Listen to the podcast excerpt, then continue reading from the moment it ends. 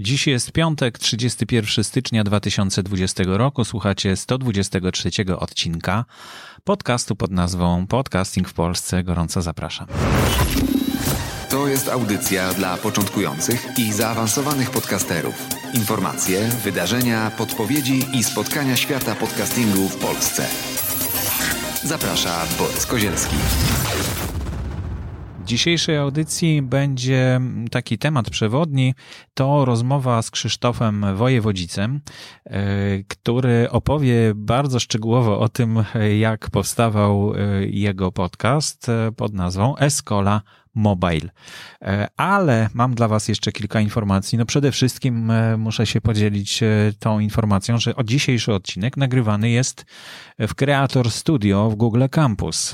Bardzo się cieszę, że mogłem tutaj nagrać ten odcinek i mam nadzieję, że kolejnych odcinków kilka też mi się uda nagrać. Właśnie tutaj do tego studia zaprosiłem gościa i to nagranie, które wykonamy, no będzie właśnie tutaj wykonane. A co to jest właściwie to Creator Studio, e, to mogę Wam opowiedzieć, że jest to fantastyczna przestrzeń. Tak jak zresztą Google Campus Warsaw, mm, to od początku mm, już mówiłem o tym, że jest to piękne miejsce takiego coworkingu za darmo od 9 do 20 jest czynne, można przyjść, napić się kawy, można tutaj w spokoju popracować. A od niedawna właśnie jest tutaj Creator Studio i to tylko dwa, dwa miejsca na świecie mają takie e, studia, czyli w Tel Awiwie i w Warszawie bo Google, Google Campusów też nie jest wcale tak dużo. Jest Polska tutaj wyróżniona troszeczkę na tej mapie, bardzo się cieszymy z tego. No ale co to jest e, ten Creator Studio? No to jest takie studio, możecie zobaczyć na zdjęciach, musicie zobaczyć na zdjęciach. Mówię do takiego mikrofonu, e, który jest firmy Rode, e, Procaster, Procaster Pro, nie, Podcaster Pro, jak to się nazywa? Procaster, Procaster po prostu. Jest te, te cztery mikrofony przy stole okrągłym. Bardzo ładnie tutaj to jest rozmieszczone i rzeczywiście wygodnie się dosyć siedzi przy nim. Na ramieniach e, takich wysięgników e, przytwierdzonych do tego stołu i te mikrofony podłączone są do Zooma R16 który nagrywa jednocześnie na mm, kartę SD to, co do Was mówię. E, może nagrywać tutaj aż e, z ośmiu kanałów, e, także naprawdę mm, no, można jeszcze mikrofonów więcej dołączyć. No i taką kartę zabiera się po prostu ze sobą. Są tutaj słuchawki też dla każdego rozmówcy, żeby mógł założyć, żeby mógł słyszeć. Troszeczkę może za głośno tutaj działa klimatyzacja, a właściwie nie klimatyzacja, tylko wentylacja, bo klimatyzację można wyłączyć. Wyłączyłem klimatyzację, ale dalej coś szumi. Możliwe, że tego w nagraniu już nie macie, bo ja tam używam pewnego odszumiacza e, i może w ogóle tego nie będzie słychać. Może w czasie rozmowy na przykład e, z Krzysztofem będzie to bardziej słyszalne. W każdym razie taki szum jest tutaj, ale myślę, że może kwestia to jest tego, że tutaj w tym interfejsie E, Zooma R16, on daje taki sygnał e, na słuchawki, że jest po prostu dużo głośniej e, w słuchawkach.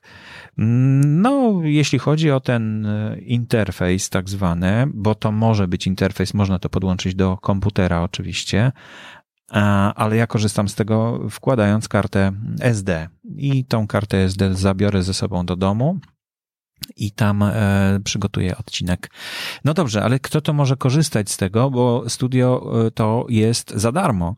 Wyobraźcie sobie, jest za darmo i można umówić się na nagranie tutaj poprzez stronę internetową, poprzez e-maila. No, to jeszcze, to dopiero się stworzyło, także lada moment będzie więcej informacji na ten temat, ale jak piszecie sobie e, Google for Startups Warsaw, no to tam znajdziecie główną stronę i chyba jeszcze tam nie ma żadnych informacji, bo na razie informacja o Creator Studio została wysłana tylko do jak gdyby członków tego Google Startups. No i wystarczy być członkiem Google Startups. No to już jest jakiś próg, prawda? To nie jest tak, że każdy z ulicy może i chyba dobrze. Więc kto może być członkiem Google for Startups? No polecam gorąco przeczytać regulamin, bo to, bo to będzie dużo wyjaśni, ale generalnie ja mogę w skrócie bardzo powiedzieć, ale uprzedzając, że należy przeczytać ten regulamin oczywiście. Zresztą jak będziecie chcieli aplikować, to tam trzeba zatwierdzić, że przeczytaliście. E, jeśli macie coś do czynienia ze startupami, jeśli macie, e, no, czy, czy, czy mój podcast ma do czynienia ze startupami? Oczywiście, bo sporo powstaje podcastów w małych firmach, w nowych firmach, e, jako sposób komunikacji ze światem i ze swoimi użytkownikami, no to właśnie dla startupów idealne to jest miejsce, żeby, znaczy podcast, żeby uruchomić, a ja pomagam uruchamiać ten podcast, więc tak działam jak gdyby w tym, w tych startupach jak najbardziej podcast, y, który będziecie tutaj nagrywać, czy w ogóle treści, bo tutaj jest też y, dwa miejsca, dwa stanowiska wideo.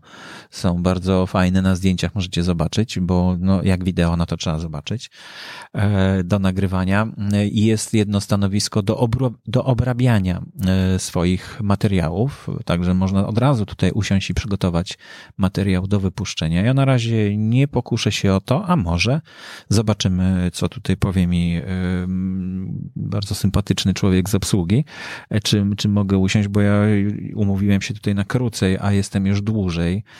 E, no ale wracając do tego, kto może korzystać, więc e, jeśli macie podcast, który nie zarabia pieniędzy, nie jest stworzony w celach komercyjnych i w jakiś sposób wpisuje się w tą politykę Google'a, jeśli chodzi o startupy, no to, no to właśnie możecie zamówić sobie to studio i tutaj korzystać z dobrodziejstw tego, tego miejsca. Oprócz tego Google Campus czy Google for Startups, bo tak chyba się to teraz bardziej nazywa, umożliwia wynajęcie sal na takie spotkania. Tutaj robiliśmy kiedyś spotkanie na temat seminarium, na temat podcastingu chyba rok temu. E, I zresztą nagranie jest cały czas dostępne w internecie, bo nagranie było wykonane też przez sprzęt, który tutaj jest na miejscu. No i, mm, no i z takich informacji, o których e, warto powiedzieć troszkę ciekawych, to dowiedziałem się, że tutaj zamówień na studio wideo jest bardzo mało, natomiast bardzo dużo w porównaniu z tymi zamówieniami wideo jest tutaj zamówień audio, czyli właśnie wynajęcia tego pokoju e, do nagrywania podcastów. I prawdopodobnie mm, z czasem, jeśli tak to się utrzyma, no to te studia mm, wideo zejdą na dalszy plan, bo one dużo miejsca zajmują, a no, jeśli nikt z nich nie chce korzystać, no to, no to wypada mm, prze, przestroić je może na audio. Myślę, że to też dobry moment, żeby jeśli ktoś ma taki pomysł na założenie jakichś usług dla podcasterów, żeby założyć studio własne, które będzie udostępniane już odpłatnie, prawda? Bo to, bo to może, przecież to musi zarabiać i to może zarabiać prawdopodobnie. E, nie każdy spełnia warunki, które tutaj są jak gdyby wymagane, żeby, żeby podcast był no, niezarabiający, żeby był niekomercyjny, żeby nie było w nim reklamy, no różne takie rzeczy, prawda? Więc e, to jest dobry pomysł chyba na to, żeby taki startup uruchomić, czyli, czyli studio gdzie gdzieś w centrum Warszawy, nie musi być w jakimś pięknym miejscu, ale gdzieś w piwnicy na przykład można coś takiego wykombinować i wymyślić i sprzedawać. Dlaczego nie? No to, to tyle, jeśli chodzi o Creator mm, e, Studio. O sprzęcie opowiedziałem, o warunkach bardzo w skrócie opowiedziałem.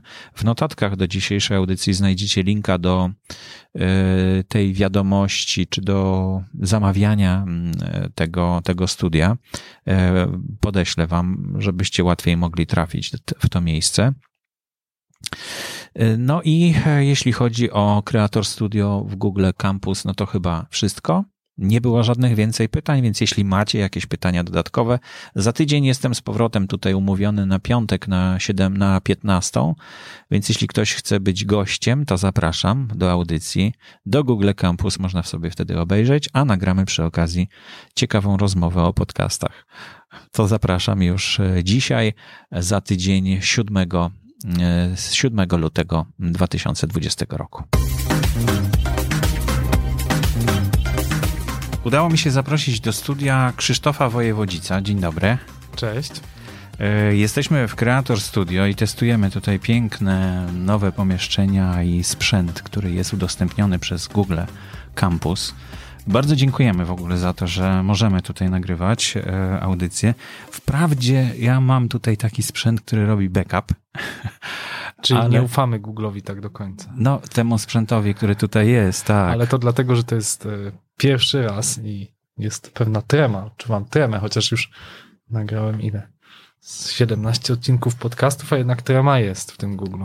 Tutaj tremę no, tak odczuwasz? Tak. Nie, ja nie odczuwam tremy. No, bo ty pewnie nagrałeś już setki podcastów, to już możesz nie odczuwać. A właśnie, pamiętasz chyba, nagrywaliśmy, nie wiem, 6 lat temu podcast? Tak, właśnie pamiętam, że chyba e, w jednym z podcastów zawsze zadaje się pytanie, chyba zaprojektuj sobie życie, gdzie się poznaliśmy.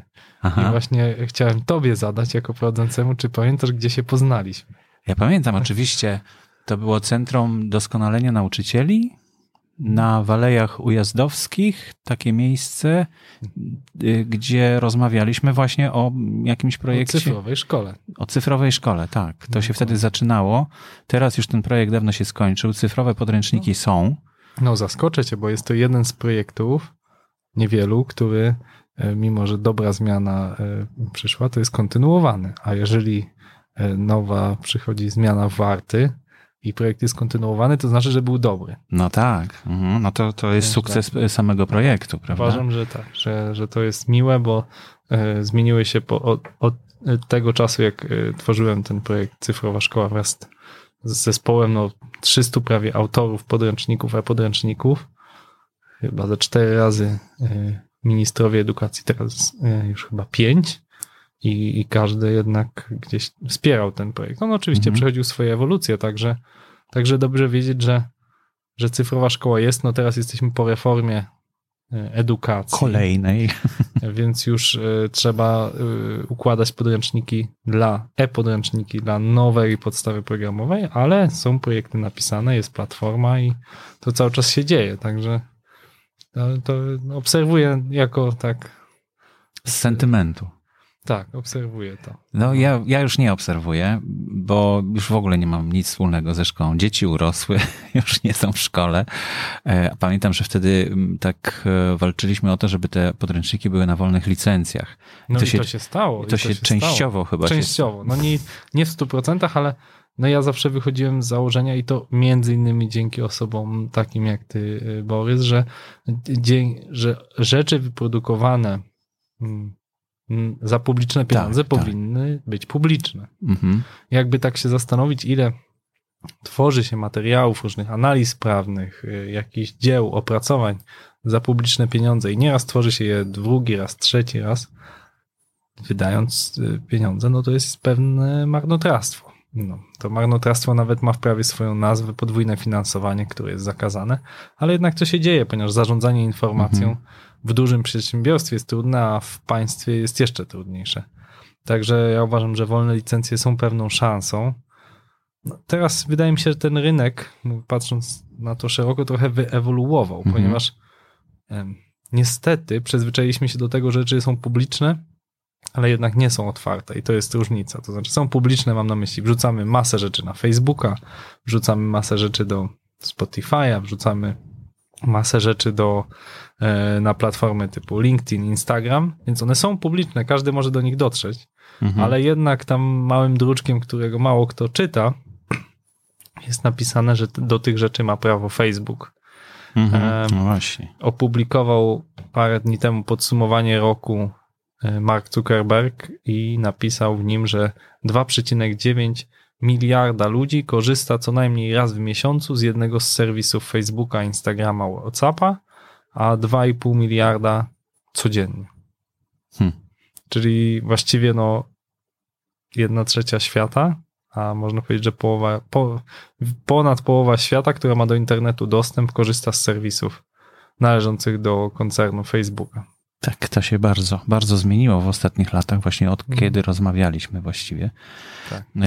No, odbiegliśmy mocno od tematu, o którym mieliśmy rozmawiać, ale fajnie trochę powspominać, jak, były, jak to wyglądało kiedyś, bo wtedy kompletnie nie miałeś pojęcia o tym, że coś takiego jak podcasting w ogóle jest chyba. Tak, co? ja pamiętam, że jak przyszedłeś do mnie mm, i powiedziałeś, że chciałbyś nagrać takie, taką audycję, a ja wtedy często chodziłem do radia, mhm. do telewizji, no to zrozumiałem, że jesteś jakimś takim przenośną trójką radiową. I zupełnie tak do tego podchodziłem. No musiałem się jakoś tłumaczyć. tak, no przyznam, że w 2012 roku to podcasting był dla mnie po prostu jakąś mini audycją radiową. Tak do tego podchodziłem. Mhm. W tej chwili słucham e, sporo audycji, e, podcastów, głównie w okolicach biznesu, tak? E, zaprojektuj sobie życie, Greg Albrecht, jak i takich związanych z moją branżą IT, czyli porozmawiamy o IT, e, jak i e, biznes w IT bodajże to się nazywa, Piotra Budzkiego. Mogę lekko przekręcać nazwę. No to tych Krzyśka Kępińskiego i Piotra Budzkiego z branży najbardziej lubię słuchać i to jest faktycznie inspirujące. I też widać ewolucję tych autorów, tak? Krzysiek Kępiński chyba najpopularniejszy podcaster IT, no to jak słuchałem jego pierwszej audycji, to przyznam, że trudno się nie uśmiechnąć i mm -hmm. wspominać tego mm -hmm. spontanu i tego takiego w sumie zdezorientowania, jaki panuje między prowadzącymi. Mm -hmm. No, no a teraz faktycznie no, widzimy, że parę oczu mamy jedną, parę uszu mamy jedną, więc mimo, że te technologie idą naprzód, no to jest wiele momentów, kiedy mamy parę oczu skupionych na prowadzeniu, na bieganiu, na bujaniu dziecka w wózku.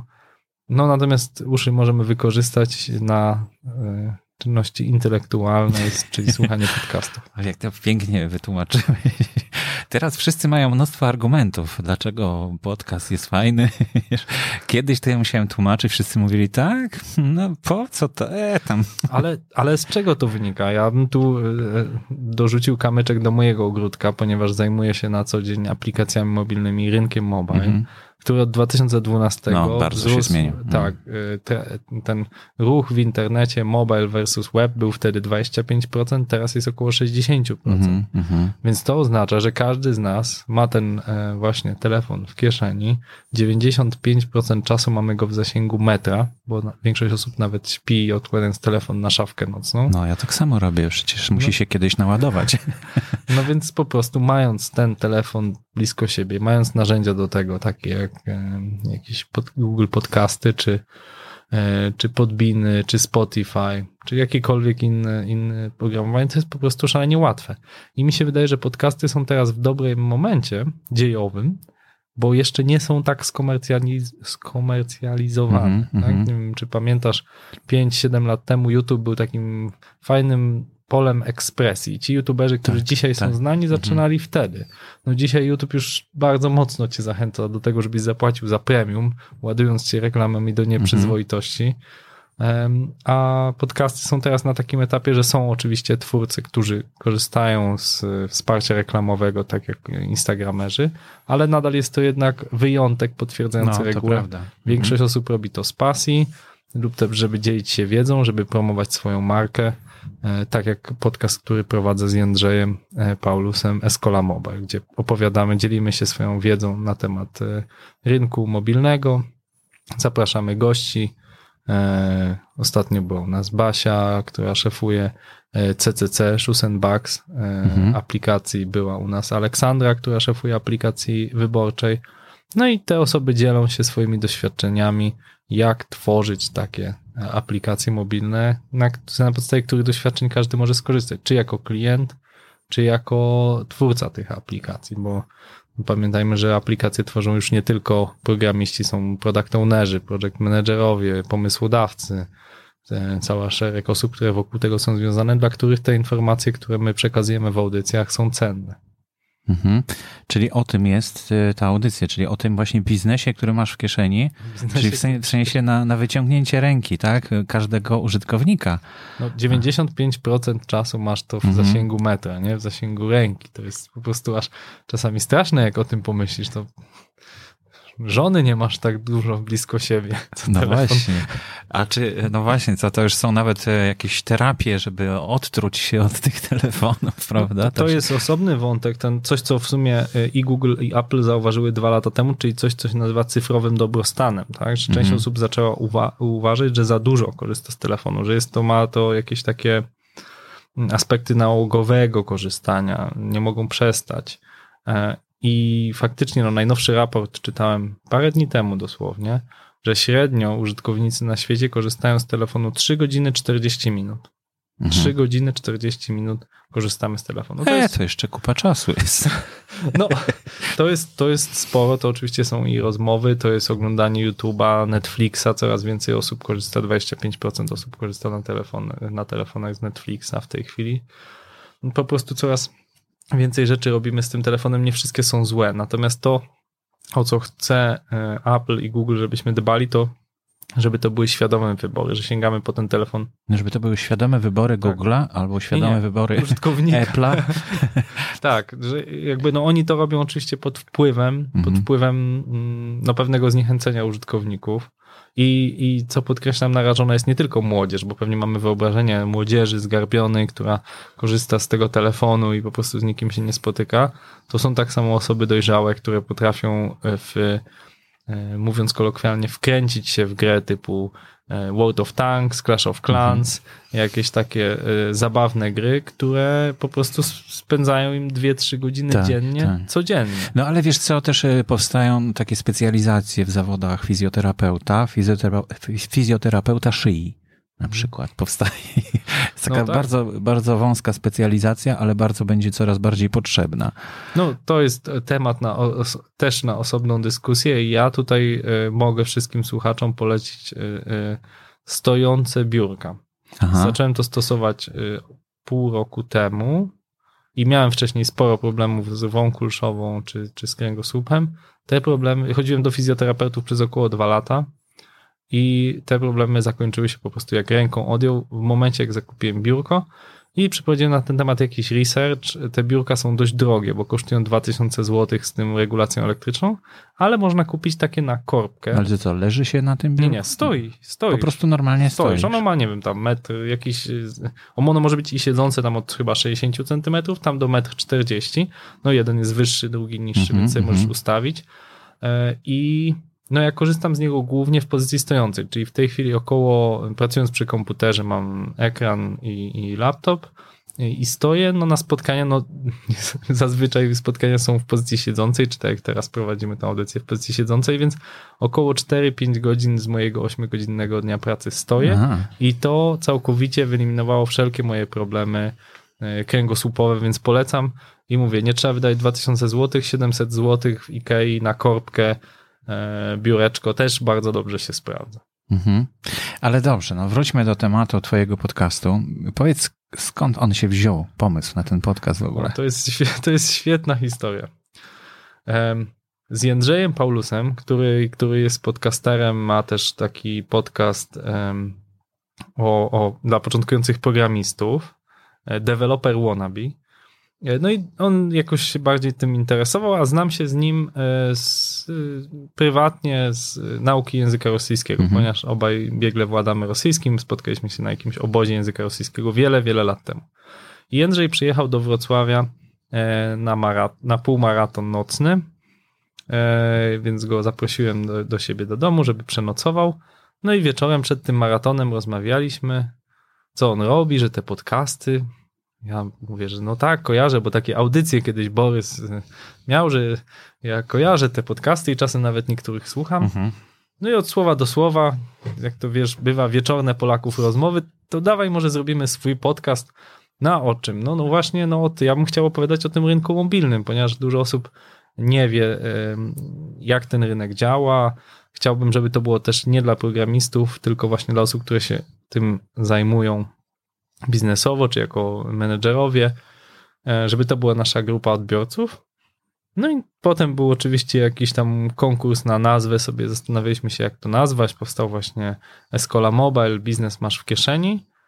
No i uruchomiliśmy pierwsze odcinki, od, właśnie wprowadzając od takich podstaw, jak w ogóle działa rynek mobilny, po co nam jest smartfon, skąd się wzięła ta rewolucja, jakie są te aspekty, aspekty marketingu mobilnego, y, aspekty tworzenia, jak wygląda w ogóle proces tworzenia mhm. aplikacji, dystrybucji tego, jak działają te sklepy Google, sklepy iOS-owe. No takie podsta- zaczęliśmy od podstaw, no a potem zapraszaliśmy coraz więcej gości, którzy opowiadali ze swojej perspektywy, jakie mieli trudności, jakie mieli sukcesy, jeżeli chodzi o, o branżę aplikacji mhm. mobilnych. Także można powiedzieć, rozkręciło się to. No, nie wiem na ile można ufać tam tym statystykom, które mamy, ale zeszły rok skończyliśmy jako czwarty podcast w kategorii przedsiębiorczych, bo w takiej mhm. jesteśmy umieszczeni, także jak no na... to gratulacje. Także jak na taki podcast jednak bardzo mhm. niszowy, bo no to jest no tak. podcast poświęcony aplikacjom mobilnym, nie tylko rynkowi IT, no to całkiem niezły wynik i i też bardzo dobrze mi się pracuje w duecie, ponieważ ja nie jestem specjalistą od tych mikrofonów, nagrywania, edytowania tego. To jest dla mnie czarna magia.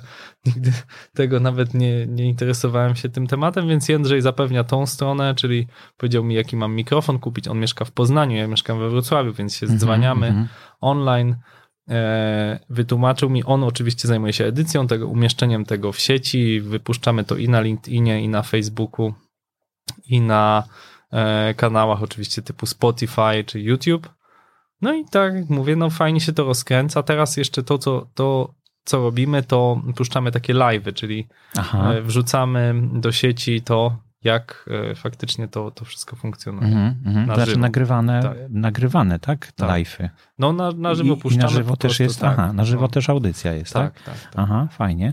A powiedz, no bo mówi się o tym, że 7 odcinków to jest taka granica, prawda? Czy, czy patrzyłeś, kiedy te 7 odcinków mijało, czy nie? No my mieliśmy ustalone, że zrobimy sezonami co 10 odcinków, więc pamiętam dobrze y, 10 odcinek i pytanie, co robimy dalej. Zmieniliśmy to, że nie, y, ponieważ było to jednak dosyć takie czasochłonne, nie co tydzień, tylko co dwa tygodnie. No też te odcinki są takie, że one sobie żyją, to znaczy sobie mhm. słuchają. Troszkę każdy... ponad, ponadczasowe są, tak? Tak, mhm. tak. No nie, nie rozmawiamy tam o takich nowościach. Zdarza się oczywiście, mhm. że poruszymy jakiś aktualny temat, no ale mówiąc o tym, jak działa marketing aplikacji mobilnych, on powiedzmy w przybliżeniu przez rok, dwa nie będzie się aż tak raptownie zmieniał, więc o tym, o tym właśnie dyskutujemy. Mhm. I y, macie jakiś, y, stworzyliście grupę słuchaczy w związku z tym podcastem, czy macie już jakiś kontakt z tymi słuchaczami, czy po prostu tylko widzicie te cyferki na statystykach i, i to wystarczy? No, zdarzają się pytania i to zarówno właśnie na, na live jak pytamy, jak i mm, zdarzają się pytania jakby post factum. No, natomiast jeszcze to nie jest jakaś taka nasza, nie mam jakiejś takiej grupy fanów czy wyznawców. Mhm. Jak widziałem, niektórzy mają podcasterzy.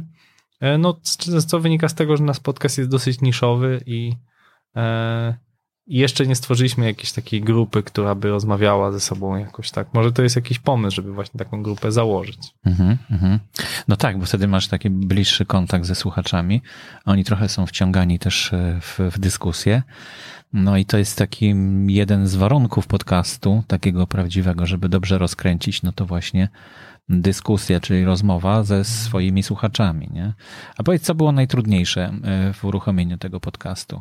Bo ty rozumiem, że ty technicznymi sprawami w ogóle się nie zajmowałeś, myślałeś raczej o, o wizji, tak? O, o tak. tym, co to ma być, jakie będą tematy, no ja co było najtrudniejsze. tak, że miałem partnera od podcastu, który te wszystkie aspekty techniczne mhm. E, obsłużył e, i wiedział już, ponieważ miał swoje doświadczenia, to wydaje mi się jest cenne i wydaje mi się, że to też jest rola dla takich osób jak ty, Borys, które mają ogromne doświadczenie, żeby trochę wprowadzić tych noworyszy, mhm. takich jak ja w ten świat podcastowy. Te aspekty technologiczne nie są aż takie trudne jak y, przy jakichś innych zaawansowanych produkcjach, nie wiem, filmowych. Ten montaż no nie jest taki wielopoziomowy. No ale oczywiście zauważyłem, że ci tacy podcasterzy e, są trochę gadżeciarzami. Oczywiście są jakieś tam super mikrofony, które ja nie do końca rozumiem, czym się różnią, ale na pewno różnią się metką cenową, jaka tam jest. To to faktycznie nie było dla mnie, dla mnie istotne. Natomiast najważniejsze to właśnie określić, do kogo chcemy ten podcast robić. To było takie mhm. trudne pytanie. Czy chcemy bardziej podcast prowadzić techniczny, gdzie opiszemy, nie wiem, proces tworzenia aplikacji, nie wiem, różne frameworki, różne języki programowania, czym, on, czym to wszystko się różni czy na przykład będziemy się zajmować nie wiem, jakimiś rozwiązaniami, sztuczkami, bibliotekami, które można wykorzystać do rozwijania takiego oprogramowania, czy będzie to podcast o charakterze właśnie biznesowym, gdzie będziemy opisywać to bardziej dla osób, które zajmują się zarządzaniem takim, taką aplikacją, wymyślaniem, tworzeniem i wdrażaniem od strony menedżerskiej dla product ownerów, dla project managerów, dla, dla kierowników, mhm. którzy wdrażają takie rozwiązania. Więc to było pierwsze istotne pytanie. Drugie pytanie no to właśnie jest takie połączenie między podcastem jako czystą formą dźwiękową, ale też i podcastem w połączeniu z takim wideo. I tu obserwowaliśmy różnych mhm. twórców, bo jednak format wideo jest zupełnie inny. No i nie oszukujmy się, że e, no, dwie gadające głowy przez godzinę to nie jest jakiś fascynujący obraz. Więc e, no to jest dla nas dodatek, tak? No jest chyba, to... że szklanka pęka jakaś na przykład, albo obraz spada ze ściany, tak? Tak, no tak. Więc e, jest to, jest to przede wszystkim jednak dźwięk i mhm. I to też była pewna nauka techniczna, bo puszczaliśmy te live'y na przykład z telefonu, gdzie był lepszy obraz, albo z komputera, gdzie był lepszy dźwięk, bo mogliśmy podłączyć dobry mikrofon. No i zauważyliśmy, że jednak dużo ważniejszy jest dźwięk, tak, bo osoby to słuchają, czy nawet na Facebooku, czy LinkedInie, to jednak no najważniejsze mhm. jest to, co mówimy, a nie to, czy włosy są w prawo, czy w lewo. Ale to nie jest zbyt przyjazne jest jedno drugiemu, prawda? Że, bo jak masz, chcesz ładnie wyglądać, no to nie możesz mieć przed sobą takiego mikrofonu, jak tutaj mamy. No, wiesz, taki mikrofon Ale, dodaje a, wiele tak. do, wiesz, do powagi, do, wiesz, punktów mądrości. Skoro mówisz do takiego mikrofonu, to pewnie masz coś mądrego do powiedzenia, nie? No, skoro tak, skoro cię stać, skoro załatwiłeś to, po, poważnie podchodzisz do skoro sprawy, to, to niewątpliwie ma olbrzymie znaczenie. Myślę, że jak zapraszacie gości do, do rozmowy, to też to ma znaczenie, prawda? Taki, taki user experience dla, dla tego. No ten user experience, powiem, y, ciekaw jestem, jak to nasi goście oceniają, ale jest na, na razie bardzo na amatorskim poziomie, ponieważ wyłożyliśmy pianką kawałek naszego biura w Warszawie e, i no, zrobiliśmy oświetlenie z e, dwóch lamp. No i po prostu przesuwamy stolik, właśnie ten mój regulowany, siadamy sobie zazwyczaj w trójkę, czyli gość Jędrzej i ja. No i rozmawiamy. Także... Na krzesłach siadacie, tak, tak, tak jak tak, tutaj. Tak, no. tak. No więc to nie jest jakiś poziom e, super prestiżowych warunków, ale wystarczających, żeby ta treść merytoryczna, bo to o nią chodzi, była przekazana. No tak, czyli spełnia swoje zadanie, ale no, to dwie rzeczy, tak? Opowiedziałeś o tych dwóch rzeczach, nad którymi się zastanawiałeś i, e, i wybraliście jakąś sobie grupę tak, docelową, do której będziecie kierować tak, się no, i tego się trzymacie, tak? tak tego teraz? się mhm. trzymamy, no bo no, ludzie się dowiadują o podcaście z czasem. To nie jest tak, że ogłosisz na Facebooku czy w jakimś newsletterze Dzień dobry, Krzysztof Wojewodzic, Escola Mobile, startujemy z podcastem i wszyscy nagle zaczną go słuchać od pierwszego odcinka. Ta grupa się buduje, ludzie się między sobą wymieniają informacjami, polecają sobie e, na konferencjach branżowych czy po prostu w rozmowach. E, więc to jest szalenie ważne, żeby tego się raczej trzymać. Teraz jest pytanie, na którym się trochę zastanawiam, że coraz częściej wychodzimy poza zakres mobile, idąc na przykład mhm. tematy związane ze sztuczną inteligencją, blockchainem, które oczywiście w dużej mierze dotyczą, e, dotyczą mobila, i rozwijają no, na, e, jakby rynek mobile, ale dotyczą mhm. szerzej dużo, tak? No IT. Tak, tak. Więc mamy mhm. jakieś takie pytanie, czy nie nazwać teraz Escola IT od 21 e, odcinka. E, no ale to już są to jest tylko rozszerzenie grupy docelowej, a nie zmiana koncepcji. No tak, bo no. Alexa na przykład, czy te głośniki takie inteligentne tak zwane, e, to one nie są mobile, bo one są no właśnie to jest pytanie, gdzie tak? jest mobile, mhm. tak? No one docelowo wszystkie mają działać, wiesz, 5G i mają, wszystko ma być jednak zdalne, tak? Na przykład mhm. VR, no też jest przede wszystkim e, tematyką związaną z Oculusem, zresztą też należącym do Facebooka, i, I też jest urządzenie w tej chwili przenośnym. Już nie potrzebujesz tego podłączać do, e, do komputera, tylko możesz z tym chodzić gdzie chcesz, nie ma żadnych kabli. No więc jest to też aspekt mobilny. Nie? Mhm. E, już nie mówię o rzeczywistości rozszerzonej, która na telefonach zyskuje ogromnie na znaczeniu. Mapy w tej chwili można oglądać po prostu mapami Google'a, e, rzeczywistość dookoła siebie i Google ci powie, co to jest, co to są za mhm, budynki mhm. obok Także no, to wszystko, mobile to jest właściwie teraz duża część tego, co się dzieje w internecie.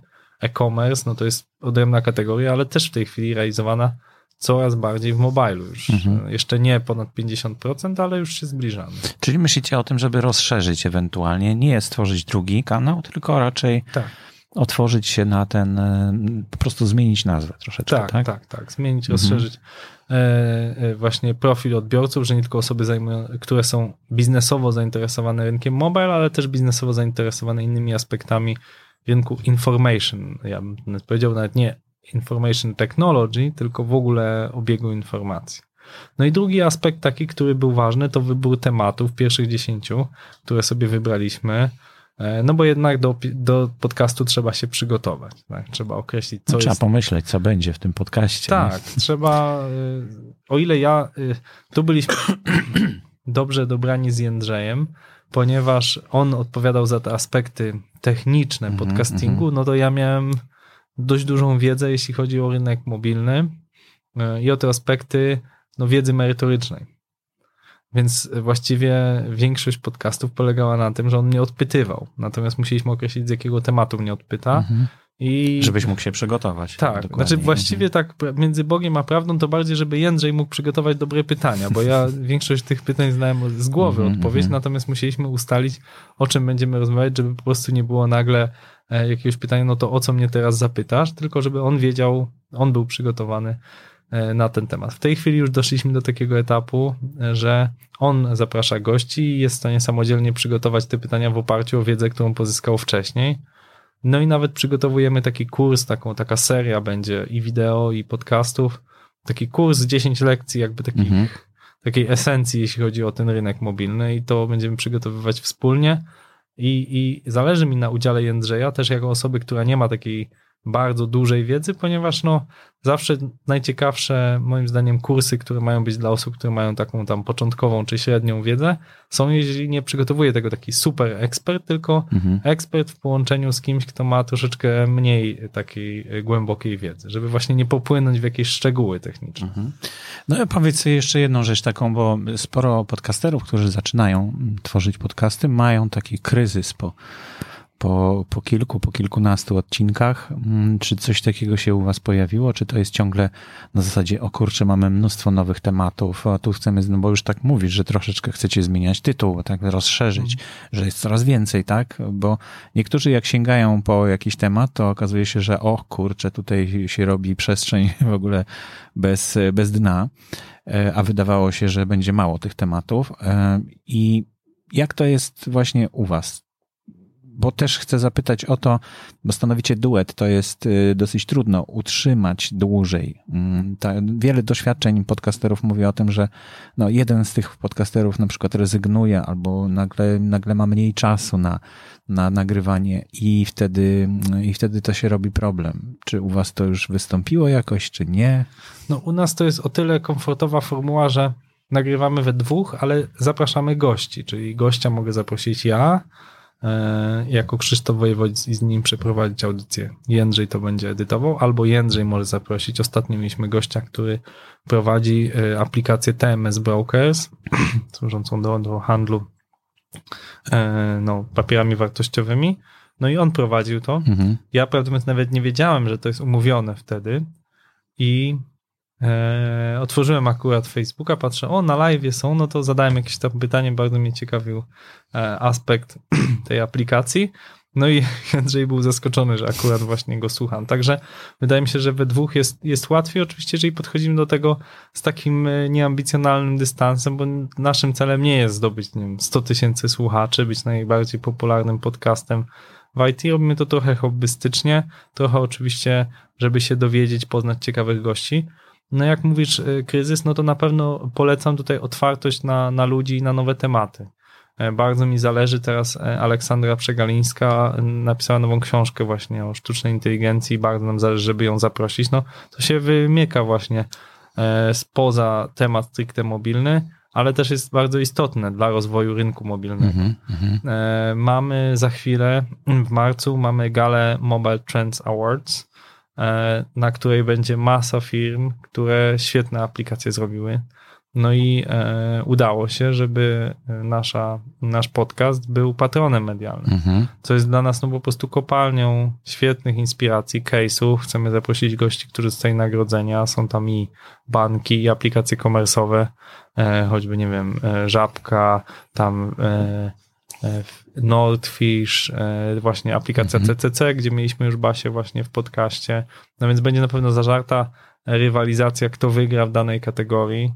E, Bankową chyba od dwóch czy trzech lat wygrywa mBank, więc no chcielibyśmy spotkać osobę, która robi tak świetną aplikację i wypytać ją szczegółowo. I planujecie tam na miejscu jakieś studio sobie No tak, ustawić, myślę, tak? żebyśmy sobie zbudowali, jeżeli to będzie tam, gdzie ostatnio, czyli w zajezdni, e, starej zajezdni w Krakowie, no to tam jest też taki balkonik i moglibyśmy właśnie tych gości zapraszać, żeby, żeby poopowiadali o swoich doświadczeniach. To może nie będą takie długie podcasty, jak zazwyczaj realizujemy, czyli około godziny, tylko będą trochę krótsze, ale no ja już z niecierpliwością przebieram nogami na, na tą ilość informacji, które, które tam zdobędziemy. No i na pewno będziemy starali się nawet wcześniej skontaktować z laureatami, żeby móc ich Mhm, odpytać, mhm. żeby jednak sobie to jakoś przygotować, no bo to będą dwa dni, a masa e, przewinie się ciekawych film.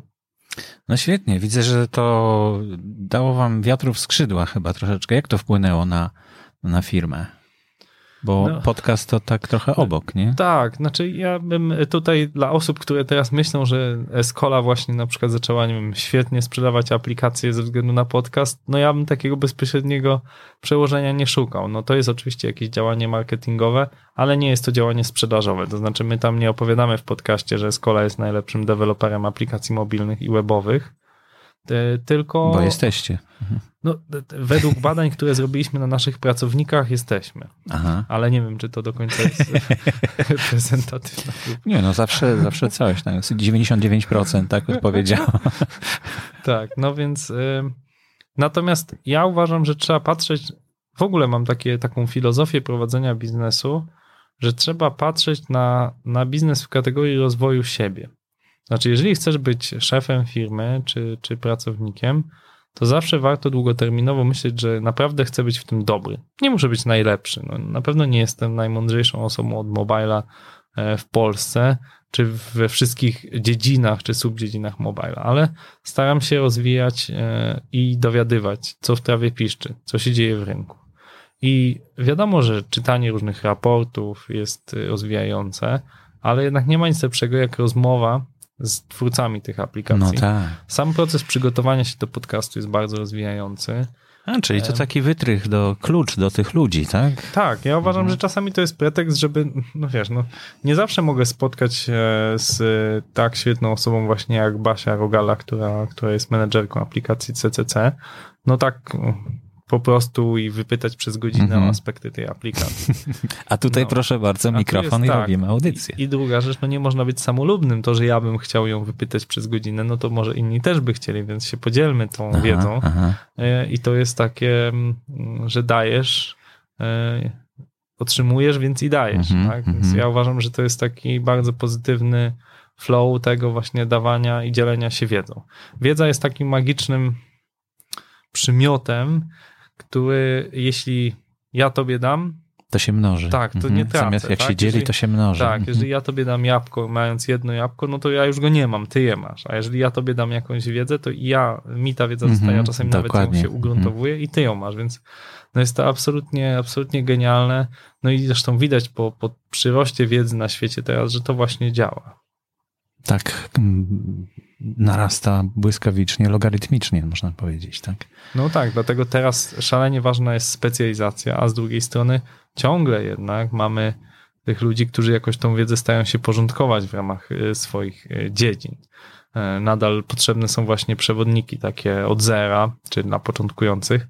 Tak jak właśnie e, teraz będziemy tą serię przygotowywać, ten kurs online'owy, Mhm, który mhm. będzie darmowy dla e, o rynku mobile, który będzie się składał z takich 10 dosyć podstawowych lekcji, bo jeżeli jestem nowy, Amerykanie się w tym wyspecjalizowali, jest pełno poradników, nie wiem, w jaki sposób nauczyć się robić podcasty, podcasty dla Mhm, żółtodziobów. mhm. Mało osób w Polsce ma taki talent, żeby tak naprawdę zejść do poziomu takich minimum, wytłumaczyć takie podstawy sposób y, taki obrazowy, bo wiele osób, jak już stanie się ekspertami, to już by chcieli zajmować się tylko takimi aspektami no, bardzo zaawansowanymi. A właśnie ważne jest, i to w tym czuję nawet pewną jakąś taką swoją misję, żeby dzielić się wiedzą w taki sposób zrozumiały dla możliwie szerokiego grona słuchaczy, nie rezygnując mhm. oczywiście z rzetelności. No tak, ale oni się też zmieniają, zmieniają się aplikacje do obsługi, prawda? I to bardzo się.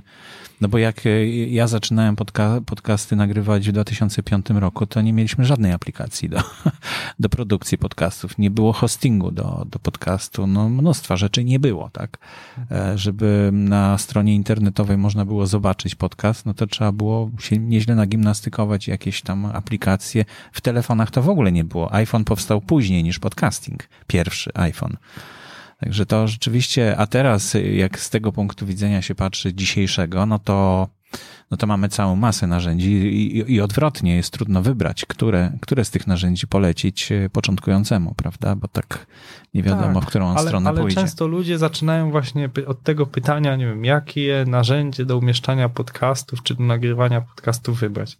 To jest bardzo często rzecz albo nie mówię, że pierwsze z brzegu, ale to jest rzecz wtórna. Tak? Jeżeli mhm. będziesz miał dobrą treść, to czy nagrywasz to Audacity, czy profesjonalnym mikserem mhm. jest w miarę wtórne. No dokładnie, to tak jak z wycieczką. No chcemy iść w Himalaję na przykład, prawda? No to, to jakiej marki samochód kupimy? No to, to zupełnie nie ma sensu, prawda? Nie ma, nie ma znaczenia takie pytanie. No ważne, żeby dojechał ten samochód tam tak. gdzieś pod tą górę, nie? Tak, dokładnie. Także no fajnie. Dzięki, że się podzieliłeś z naszymi słuchaczami doświadczeniami z, z, z zakładaniem podcastu i prowadzeniem. Escola Mobile, tak? To się pisze Escola Mobile i jeszcze ma podtytuł. Na szczęście ma podtytuł, to dzięki temu łatwiej jest wyszukać e, w, tak. w wyszukiwarce. Albo można wyszukać Jędrzej Paulus, Krzysztof Wojewodzic.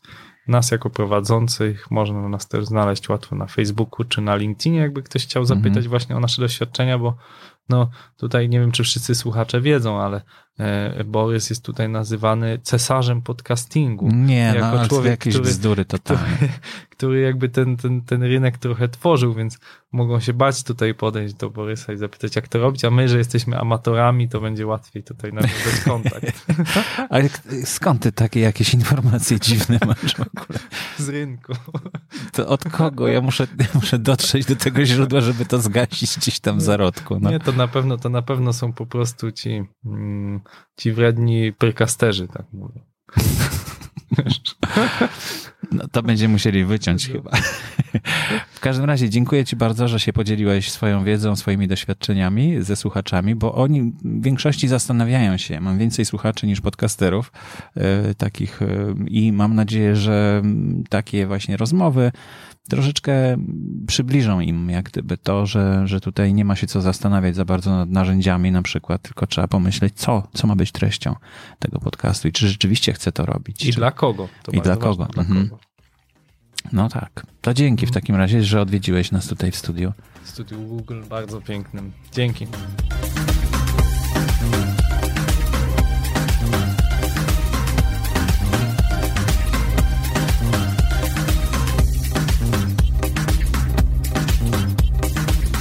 I to już prawie wszystko w dzisiejszej audycji. Strasznie długa się zrobiła, już ma 45-47 minut mniej więcej.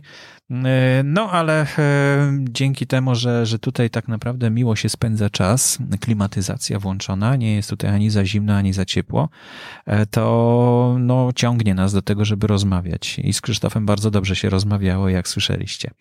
Mamy tylko jeszcze informację, że kurs podcastowy pod nazwą Łatwy Podcasting jest cały czas dostępny na Facebooku. Co jakiś czas ktoś tam nowy dociera i zaczyna ten kurs przechodzić. E, to są tak zwane moduły edukacyjne w Facebooku. Po raz pierwszy z tego skorzystałem i myślę, że to jest ciekawy pomysł.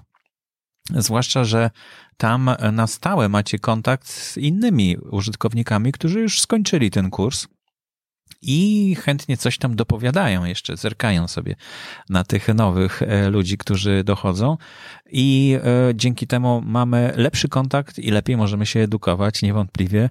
E, powstają nowe podcasty, nowe pomysły są realizowane w tym kursie zapraszam.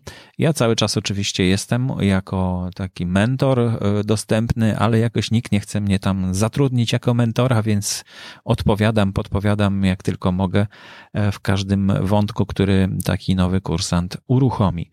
E, to wszystko w takim razie. Bardzo dziękuję za uwagę. Do usłyszenia w przyszłym tygodniu, bo dzisiaj jest piątek. Nie obiecuję, że będzie tylko jedna audycja w przyszłym tygodniu. Ostatnio częściej się pokazuje ta audycja no bo tematów jest też dużo i, e, no i rozmówcy zaczynają e, reagować i przychodzić. Mam nadzieję na kolejnych rozmówców, umawiam się z nimi, ale na razie niech to pozostanie niespodzianką. Dziękuję bardzo, do usłyszenia.